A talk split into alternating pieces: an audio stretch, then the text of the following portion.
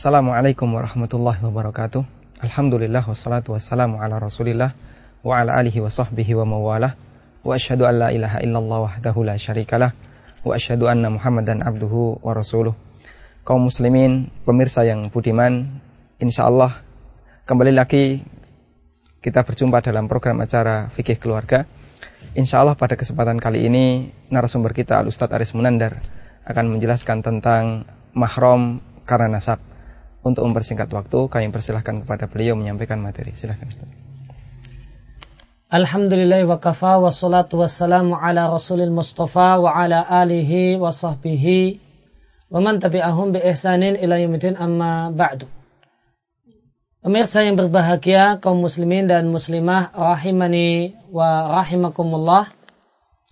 Topik bahasan kita dalam kesempatan kali ini dalam acara fikih keluarga adalah pembahasan tentang perempuan-perempuan yang haram untuk dinikahi.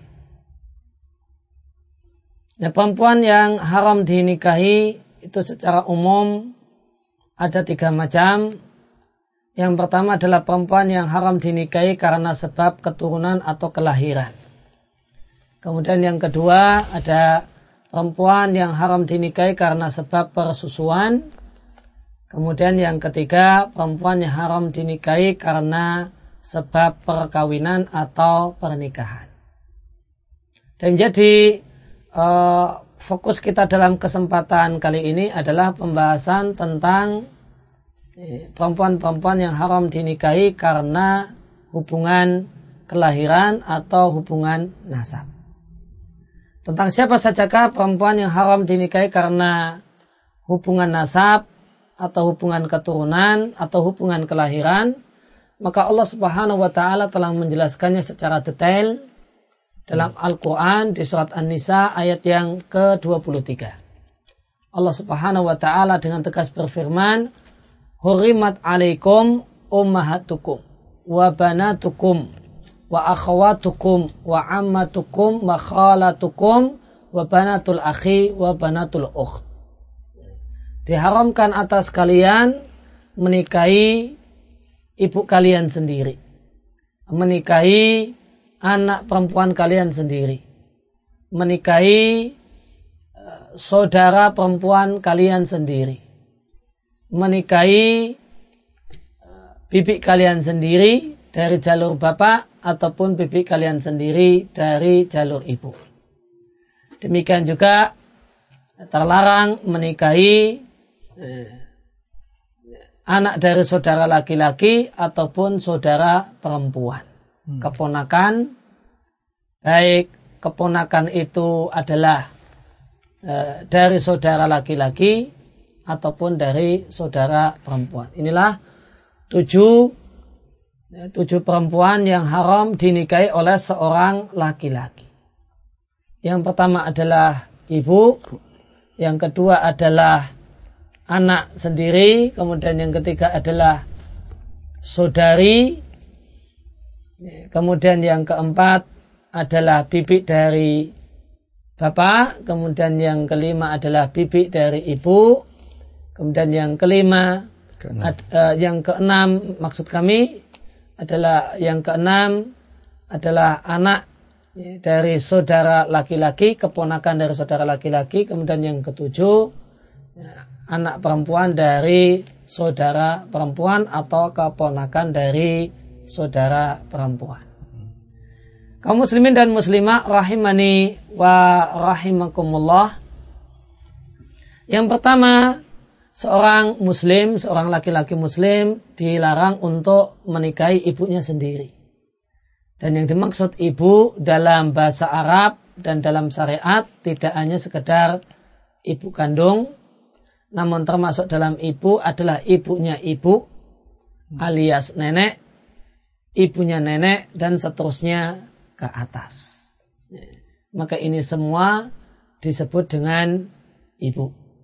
Maka semua perempuan yang eh, memiliki jalur kelahiran dengan kita, eh, perempuan yang ada di atas kita, yang hubungannya dengan kita adalah hubungan jalur jalur kelahiran, maka dia adalah ibu yang haram untuk dinikahi oleh seorang laki-laki muslim. Kemudian yang kedua adalah anak perempuan. Anak perempuan dan anak perempuan ini e, tidak hanya mencakup anak perempuan yang asli, namun termasuk di dalamnya adalah cucu. Baik cucu dari anak perempuan ataupun cucu dari anak laki-laki dan demikian seterusnya ke bawah. Anak dan cucu itu dalam dalam bahasa Arab atau dalam istilah ya, dalam uh, istilah fikih disebut dengan furu'. Sedangkan bapak atau kemudian ibu, kakek, nenek nah, itu disebut dengan usul. Kemudian uh, termasuk anak perempuan yang haram dinikahi menurut pendapat jumhurul ulama adalah anak biologis, anak zina. Hmm. Anak zina. Kalau ini pendapat jumhur. Pendapat mayoritas para ulama. Dan inilah pendapat yang benar. Maka seorang laki-laki yang dia menjadi bapak biologis dari seorang perempuan haram baginya menikah dengan uh, anak zi, anak hasil zinanya atau anak biologisnya. Dan inilah satu-satunya hubungan antara seorang bapak biologis dengan anak zinanya. Satu-satunya hubungan yang uh, menghubungkan di antara keduanya adalah terlarang menikah. Kemudian uh, yang ketiga adalah saudara perempuan. Dan yang dimaksud dengan saudara perempuan yang tidak boleh kita dinikahi oleh seorang laki-laki muslim adalah saudara perempuan sekandung, sebapak, ataupun seibu. Maka jika bapak dan ibunya sama, maka ini disebut dengan sekandung. Jika bapaknya sama, ibunya berbeda, maka ini sebapak. Jika ibunya sama namun bapaknya berbeda, maka ini seibu. Maka tiga saudari tersebut, sekandung, sebapak ataukah seibu, ada seorang perempuan yang haram dinikahi oleh seorang laki-laki muslim. Maka setelah ibu, kemudian uh, setelah ibu, kemudian anak perempuan, kemudian adalah saudara atau saudari, kandung, sebapak atau kasih ibu. Kemudian berikutnya adalah bibi, yaitu bibi dari jalur bapak ataukah bibi dari jalur ibu.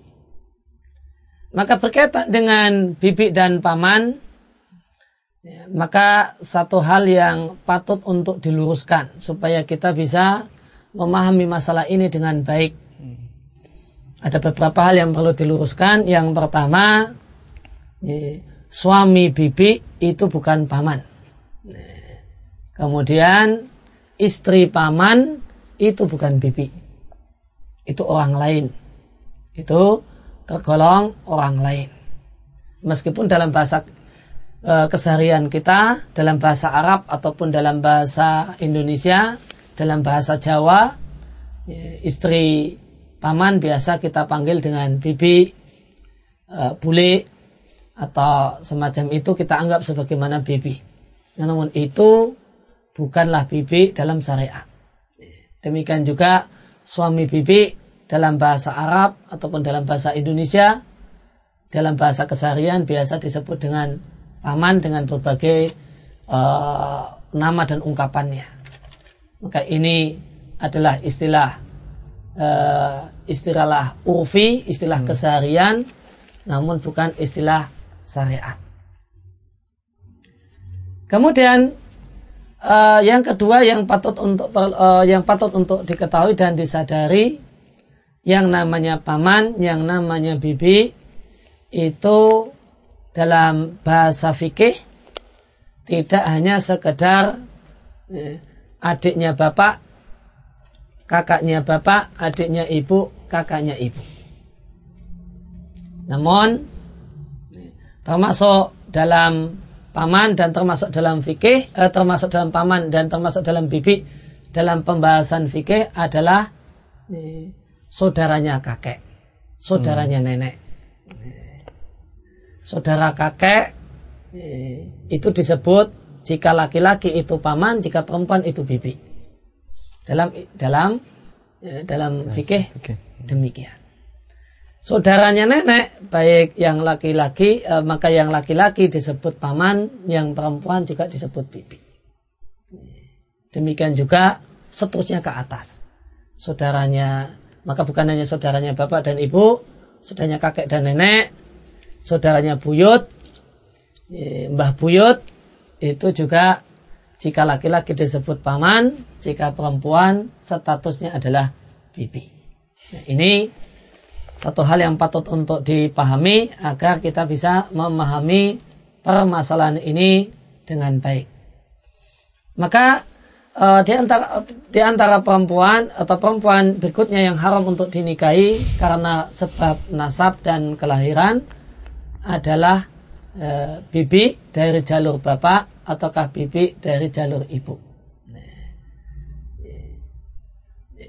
Dan uh, maka maka bibit di sini bibit dari jalur bapak di sini termasuk bibit dari jalur bapak adalah bibit dari jalur kakek. Termasuk bibit dari jalur ibu adalah bibit dari e, jalur nenek. Itu saudaranya nenek. Kalau dalam bahasa keseharian kita, saudara kakek kita sebut kakek, saudaranya nenek juga disebut nenek. Namun secara syariat, saudara uh, saudara perempuannya kakek itu kita sebut bibi, saudara perempuannya uh, nenek itu juga kita sebut bibi. Dan mereka adalah perempuan-perempuan yang haram untuk dinikahi oleh seorang laki-laki muslim. Kemudian dua yang terakhir, yang keenam dan yang ketujuh ya, uh, adalah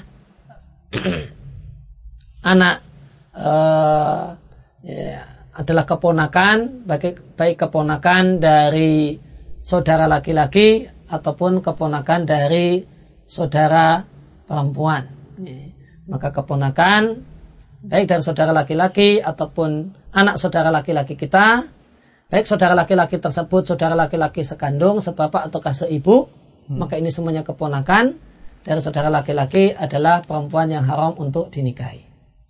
Demikian juga keponakan ya, dari saudara perempuan dan saudara perempuan ini ya, ya, baik saudara perempuan tersebut ya, anak saudara perempuan ini mencakup baik saudara perempuannya adalah saudara perempuan sekandung dengan kita ataukah sebapak ataukah seibu.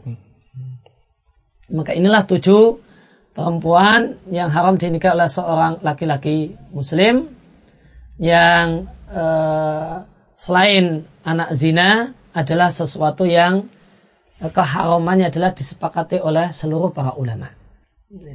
Sebagaimana dikatakan oleh Ibnu Jarir atau Bari, demikian juga Qurtubi, beliau-beliau menukil uh, ijma' ulama kesepakatan kaum muslimin haramnya seorang laki-laki muslim menikahi tujuh perempuan atau tujuh jenis perempuan tadi.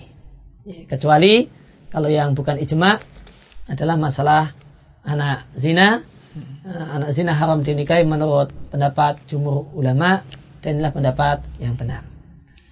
Kaum muslimin rahimani wa rahimakumullah pemirsa yang berbahagia kesimpulan mudah atau kaidah yang mudah untuk uh, untuk bisa kita pahami berkaitan dengan perempuan yang haram dinikahi karena hubungan kelahiran atau hubungan nasab ya, adalah sebagai berikut. Ya, ada satu kaidah ringkas, ya, kalimat ringkas, yang jika kita uh, bisa pahami kalimat ringkas ini, maka kita akan uh, faham dengan mudah uh, siapa saja uh, perempuan yang haram dinikahi karena sebab kelahiran atau karena sebab nasab. Ya, kaidah atau kesimpulan dalam masalah ini semua perempuan yang hubungan kita dengan dia adalah hubungan kelahiran, hubungan uh, hubungan nasab, punya jalur ke sana saya dengan perempuan tersebut jalurnya adalah jalur kelahiran, maka ya, seluruhnya adalah perempuan yang haram dinikahi kecuali empat. Kecuali empat. Empat tersebut adalah hmm, adalah uh, anak paman dari jalur bapak, anak bibi dari jalur bapak, anak paman uh, atau sepupu dari jalur ibu, anak bibi dari jalur ibu. Atau dengan bahasa yang lain, semua perempuan yang hubungannya dengan kita adalah hubungan kelahiran, hubungan keturunan, hubungan kelahiran adalah haram dinikahi kecuali anak paman dan anak bibi. Atau dengan bahasa yang lebih sederhana lagi, kalau tidak mau jadikan empat, tadi sudah kita turunkan jadi dua, kita ringkas lagi dalam bahasa Indonesia, semua uh, perempuan yang hubungan kita dengan dia adalah hubungan kelahiran itu adalah haram untuk dinikahi adalah mahram untuk kita kecuali satu yaitu sepupu. Anak paman atau anak bibi. Namun perlu diketahui definisi paman dan bibi. Tadi telah kita sampaikan definisi paman dan bibi. Maka uh, yang dimaksud dengan anak paman bukan tidak hanya anak paman yang dekat, yang langsung pada kita, yaitu saudaranya bapak atau saudaranya ibu, namun termasuk anak paman itu adalah uh, uh, ya, anak dari saudaranya kakek, anak dari saudaranya nenek kita. Karena ingat tadi telah kita sampaikan, saudara kakek itu saudara kakek ataupun nenek jika laki-laki dia adalah paman, saudara kakek ataukah nenek jika dia perempuan adalah bibi. Maka anaknya itu bukan mahram. Boleh uh, boleh untuk dinikahi. Kemudian satu hal yang patut untuk diperhatikan bahasanya paman ataukah bibi itu bisa jadi adalah paman kandung, paman sebapak, ataukah paman seibu melihat hubungan dia dengan ya, dengan keluarga kita, ya, dengan bapak kita ataukah dengan kakek kita. Ya. Jika dia adalah saudara kandung dengan bapak, maka itu saudara adalah paman sebapak. Jika dia dengan bapak saya adalah cuma ya, saudara sebapak, maka ini adalah paman sebapak. Jika dia ini dengan ya, bapak saya adalah saudara seibu, maka itu paman seibu. Demikian juga halnya dengan ya, kakek. Ya, maka semua anak paman, semua anak paman, baik paman kandung, paman sebapak, ataukah paman seibu, semuanya adalah bukan mahram. Ya, boleh untuk dinikahi.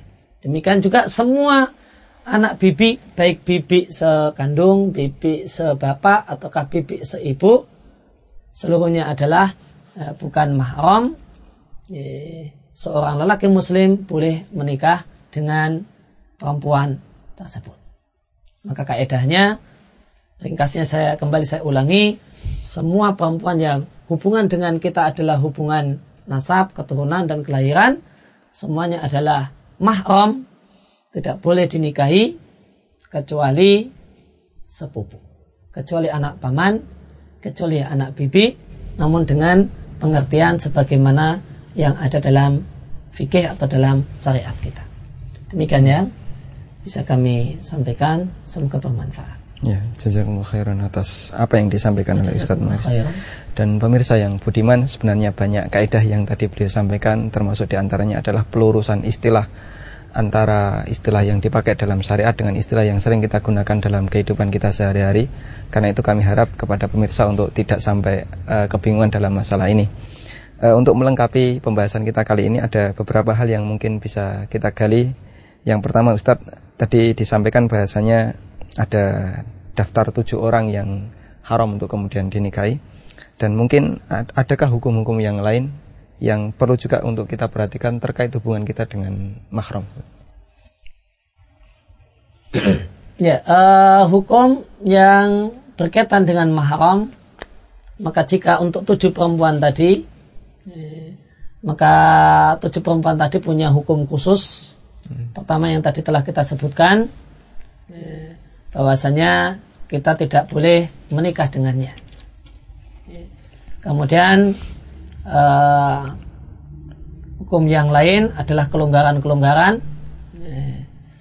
yaitu kita bisa jabat tangan dengannya, kita bisa mencium kening perempuan-perempuan tadi, Kemudian demikian juga perempuan tersebut. Yang ketiga ketika ya, itu satu ruangan dengan kita maka mereka punya kebebasan untuk menanggalkan sebagian pakaiannya karena berpakaian di depan mahram dan pendapat yang paling kuat boleh bagi mereka perempuan-perempuan ini untuk menampakkan ya, anggota wudhunya kepada kita maka boleh nampakkan wajah dan kepala namun tidak termasuk di dalamnya dada. Ya, dada tidak boleh dinampakkan. Dan tangan sampai siku, kemudian kaki sampai mata kaki. Maka ya, eh, dengan berpakaian cukup uh, uh, semacam ini itu boleh karena di depan kita sebagai mahramnya. Maka dia pakai mungkin pakai rok yang agak panjang tanpa kaos kaki, kemudian ya, pakai kaos. Ingat kaosnya harus kaos yang lehernya itu mepet leher, bukan yang lehernya rendah, karena ini menampakkan dada dan dada bukan anggota wudhu. Hmm. Eh, namun eh, leher yang eh, leher yang mepet dengan leher. Eh, namun mereka tidak boleh pakai kaos you can see, eh, karena yang boleh dinampakkan adalah anggota wudhu. Maka harus kain yang berlengan dengan lengan yang cukup yang cukupan minimal sampai kurang lebih siku.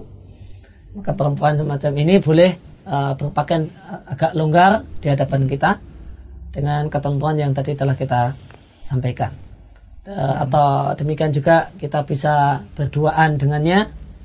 Jadi ini bukanlah berduaan yang terlarang karena berduaan dengan mahram. Perempuan tadi boleh kita boncengkan naik motor. Ya, boleh kita boncengkan kita antar ke pasar untuk hmm. belanja. Ya, atau ke warung untuk beli sesuatu naik motor tidak masalah pegangan diperbolehkan karena itu adalah mahram. Ya. Itu di antaranya. Ya, jazakumullah khairan. Uh, pemirsa yang budiman, uh, mungkin ada hal yang lain yang menjadi pertanyaan besar kita ya. Terkadang di beberapa masyarakat Ustadz ada orang yang enggan untuk kemudian melakukan pernikahan karena hubungan kekerabatan terutama sepupu saja. Sebagian ada yang kemudian melarang ketika nikah dengan sepupunya baik dari jalur bapak atau ibu. Mungkin ada nasihat dari Ustadz Aris untuk uh, mereka yang sampai terhambat kasus pernikahan karena gara-gara hubungan dekat keluarga. Berkaitan dengan uh, menikahi kerabat atau yang punya masih punya hubungan darah namun bukan mahram, semisal sepupu, maka tadi telah kita singgung, telah kita sampaikan hukumnya adalah boleh, tidak terlarang dalam syariat. Kemudian uh, yang kedua uh, di kalau kita lihat dalam sejarah hidup Nabi kita Muhammad Shallallahu Alaihi Wasallam dan para sahabat, kita jumpai pernikahan-pernikahan dengan keluarga dekat. Dan ternyata tidak masalah. Di antaranya adalah pernikahan Ali dengan Fatimah. Sebagaimana kita ketahui bahasanya Ali ini statusnya adalah anak paman Nabi, maka dia adalah sepupu dengan Nabi Shallallahu Alaihi Wasallam. Maka kalau dalam bahasa kita Fatimah ini nyebut Ali harusnya om. Paman. Ya, paman. Pak Le kalau atau istilah semacam itu. Atau bahkan Pak D karena Nabi hmm. adalah anak uh, yang terakhir. Ya, karena Abdullah bapaknya Nabi kita Muhammad Sallallahu Alaihi Wasallam adalah anak laki-laki yang terakhirnya Abdul Muthalib. Ya, jadi Fatimah ini kalau dalam bahasa kita ya, nyebutnya adalah Om atau Pak D atau bahasa lain semacam itu. Namun ya, Nabi nikahkan. Maka ini hubungannya cukup dekat ya, dan tidak masalah. Tidak, uh, tidak terjadi istilahnya secara ya, secara kesehatan anaknya kemudian jadi bermasalah juga tidak. Secara syariat juga menunjukkan bolehnya hal tersebut. Kemudian e, memang terdapat dalil atau terdapat hadis yang melarang pernikahan dengan keluarga dekat sebagaimana disampaikan oleh Al Ghazali di Ihya Ulumuddin namun hadisnya adalah hadis yang lemah atau bahkan lemah sekali. Hmm. atau bahkan palsu. Oleh karena itu maka eh, redaksi atau eh, maka hal tersebut hadis semacam ini tentu tidak layak dan tidak bisa jadikan dalil untuk melarang pernikahan dengan sepupu atau pernikahan dengan kerabat dekat yang bukan lagi mahram. Ya. Uh, banyak sekali yang bisa kita ambil dari apa yang beliau jelaskan. Namun mengingat kesempatan yang terbatas, kita cukupkan sampai di sini dan kita sampaikan jazakumullah khairan atas apa yang disampaikan oleh Ustaz Aris Menandar. Mudah-mudahan apa yang beliau sampaikan bermanfaat bagi kita dan wasallallahu ala nabiyina Muhammadin wa ala alihi wa sahbihi wasallam wa akhiru ta'wana alhamdulillahi rabbil alamin